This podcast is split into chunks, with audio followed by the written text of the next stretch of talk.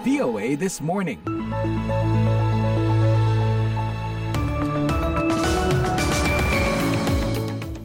Selamat pagi pendengar, apa kabar semuanya? Senang sekali VOA This Morning dapat kembali menemani Anda di pagi hari ini. Bersama saya Taris Riziman, menemani Anda langsung dari Studio 14 VOA di Washington DC, Amerika Serikat. Satu minggu lagi pendengar, uh, satu minggu lagi pemilu serentak akan dilaksanakan di Indonesia. Udah pada gak sabar dong pastinya ya. Apakah Anda sudah siap menentukan pilihannya atau masih bingung nih mau milih siapa di pemilu nanti? Tenang aja, masih ada waktu. Nah, pendengar seperti biasa, redaksi VOA sudah menyiapkan sejumlah berita hangat terkini dari berbagai belahan dunia.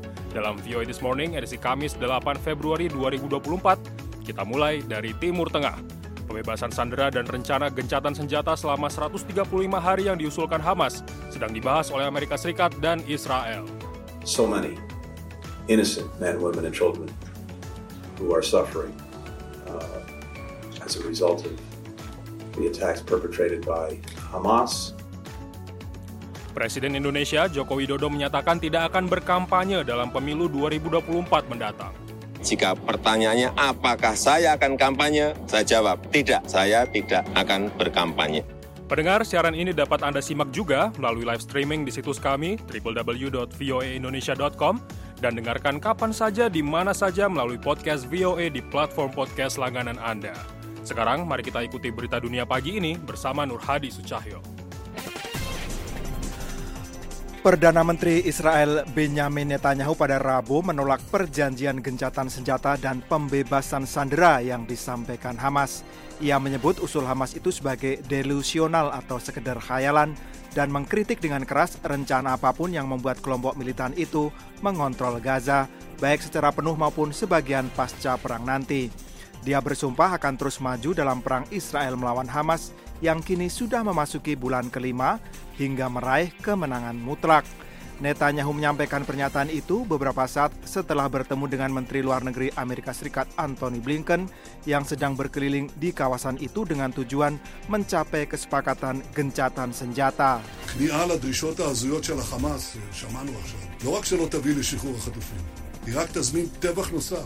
Menyerah pada tuntutan Hamas yang delusional yang kita dengar ini tidak hanya tidak akan mengarah ke pembebasan para tawanan, tetapi itu hanya akan mengundang lagi pembantaian. Kata Netanyahu dalam konferensi pers malam yang disiarkan televisi secara nasional. Kita sedang berada di jalur menuju kemenangan mutlak, kata dia lagi. Netanyahu menembiskan kesepakatan apa pun yang membuat Hamas menguasai bagian mana pun dari Gaza. Dia juga mengatakan bahwa Israel adalah satu-satunya kekuatan yang mampu memastikan keamanan dalam jangka panjang. Sekretaris Jenderal PBB Antonio Guterres pada Rabu menyampaikan penilaian yang serius terkait keadaan dunia. Dunia sedang memasuki zaman kekacauan, kata dia.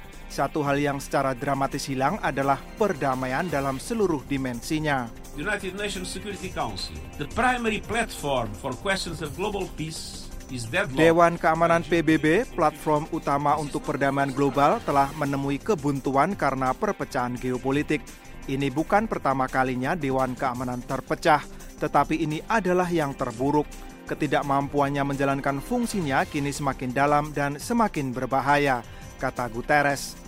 Guterres menyampaikan pernyataan itu ketika berpidato dalam sidang umum PBB untuk memaparkan prioritasnya untuk tahun ini. Dia meminta dilakukannya pembaruan bagi metode kerja Dewan Keamanan supaya kesepakatan dapat dicapai meskipun para anggotanya mengalami perpecahan dan memberikan kursi permanen bagi benua Afrika dalam dewan ini.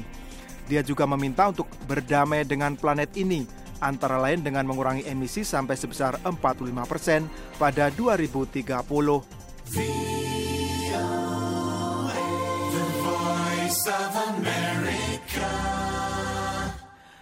Kepala Lembaga Pengawasan Nuklir PBB Rafael Grossi mengatakan pada Rabu bahwa dia telah menyelesaikan misi pemantauan ke pembangkit listrik tenaga nuklir atau PLTN Zaporizhia milik Ukraina di wilayah yang saat ini dikuasai Rusia. Kepala Badan Energi Atom Internasional ini berbicara dalam sebuah rekaman video pendek dalam perjalanannya kembali ke kantor pusat lembaga itu. just the front line of the war just completed. Kami baru saja berada di garis depan perang. Kami baru saja menyelesaikan perjalanan menyeberang perbatasan dengan sukses dan menuju kembali ke kantor pusat IAEA setelah kunjungan keempat di PLTN Zaporizhia, di mana kami telah mampu melakukan pemeriksaan yang memberi kami kesempatan untuk melengkapi penilaian kami terhadap tahap terkini dari fasilitas tersebut dan status keselamatan dan keamanan nuklirnya, kata Grossi.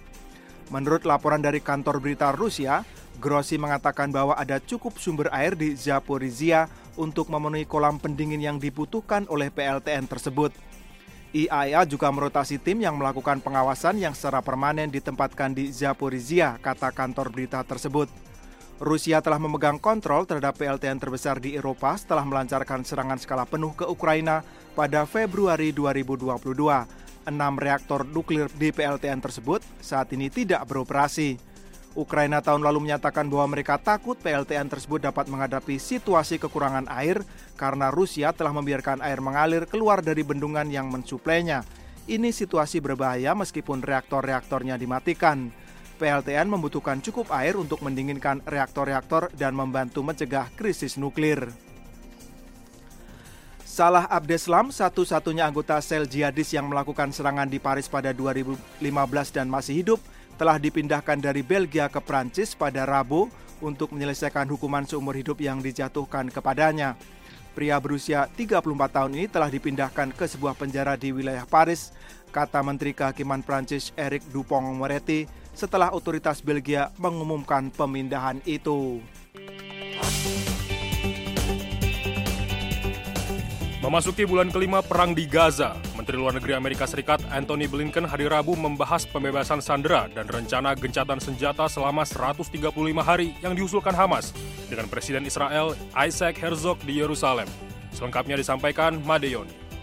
There are so many innocent men, women, and children who are suffering uh, as a result of the attacks perpetrated by Hamas Menteri Luar Negeri Amerika Antony Blinken mengatakan ada begitu banyak pria, wanita, dan anak-anak tak bersalah yang menderita akibat serangan yang dilakukan oleh Hamas dan sekarang terjebak baku tembak yang dibuat oleh Hamas. Blinken bertemu dengan para pemimpin Israel pada hari Rabu setelah Hamas mengajukan rencana rinci untuk gencatan senjata baru dan kesepakatan pembebasan sandera. Tetapi kedua belah pihak masih berusaha mencapai tujuan yang sejauh ini sulit dicapai. Hamas telah menyusun rencana tiga fase gencatan senjata yang akan berlangsung selama empat setengah bulan atau 135 hari sebagai tanggapan atas proposal yang dikirim pekan lalu oleh mediator Qatar, Mesir, Israel, dan Amerika. Esad El Resig, anggota Biro Politik Hamas, membenarkan bahwa proposal tanggapan tersebut telah diteruskan melalui Qatar dan Mesir ke Israel dan Amerika.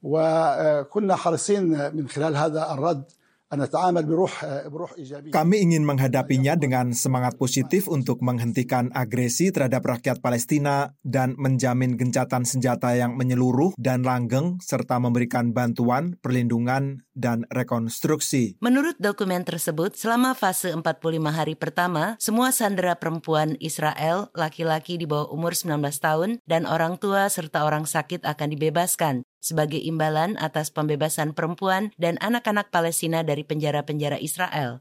Israel juga akan menarik pasukannya dari daerah berpenduduk padat. Penerapan fase kedua tidak akan dimulai sampai kedua pihak menyelesaikan pembicaraan tidak langsung mengenai persyaratan yang diperlukan untuk mengakhiri operasi militer bersama dan situasi kembali tenang sepenuhnya. Jenazah-jenazah akan dipertukarkan pada tahap ketiga. Gencatan senjata tersebut juga akan meningkatkan aliran makanan dan bantuan lainnya kepada warga sipil Gaza yang menghadapi kelaparan dan kekurangan pasokan bahan pokok. Proposal Hamas itu secara efektif akan menjadikan kelompok itu berkuasa di Gaza dan memungkinkan mereka membangun kembali kemampuan militernya, sebuah skenario yang dengan tegas ditolak oleh para pemimpin Israel. TV Channel 13 Rabu melaporkan seorang pejabat senior Israel mengatakan beberapa tuntutan yang dibuat Hamas untuk kesepakatan Sandra tidak dapat dipenuhi.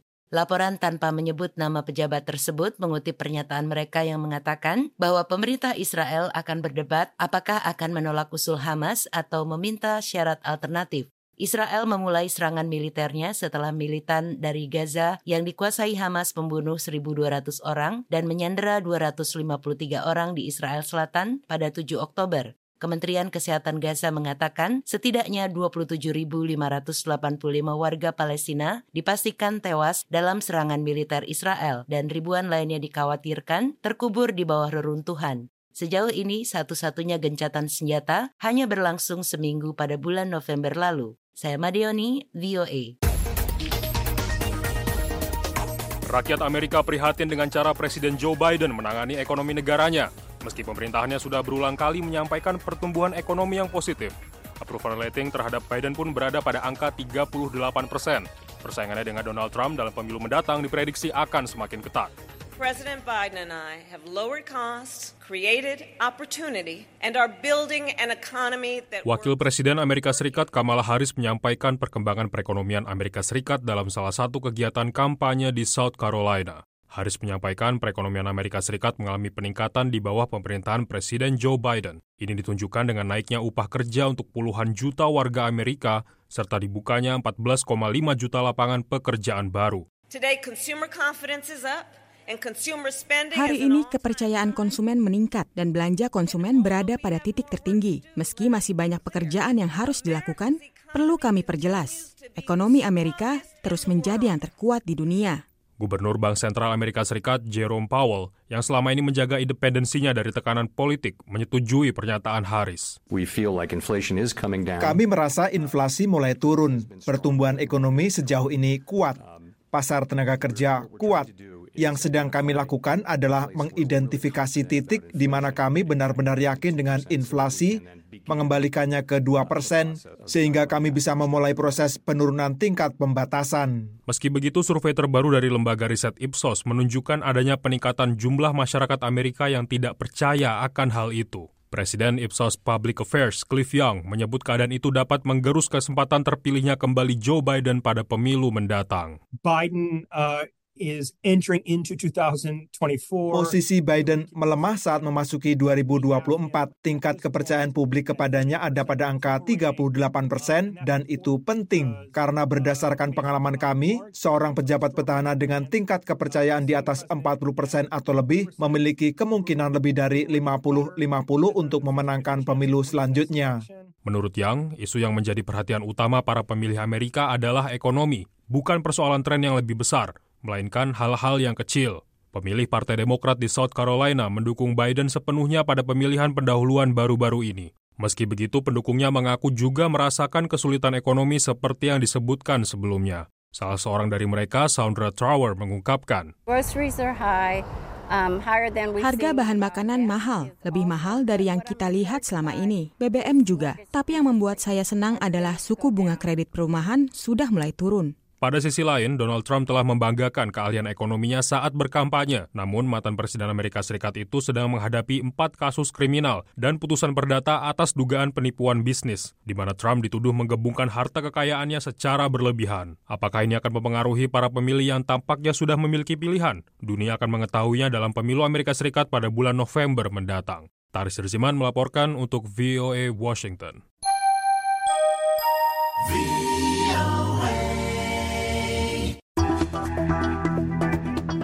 Presiden Joko Widodo menjawab spekulasi yang beredar bahwa dirinya akan ikut hadir dalam kampanye akbar salah satu kandidat capres-cawapres pada 10 Februari mendatang.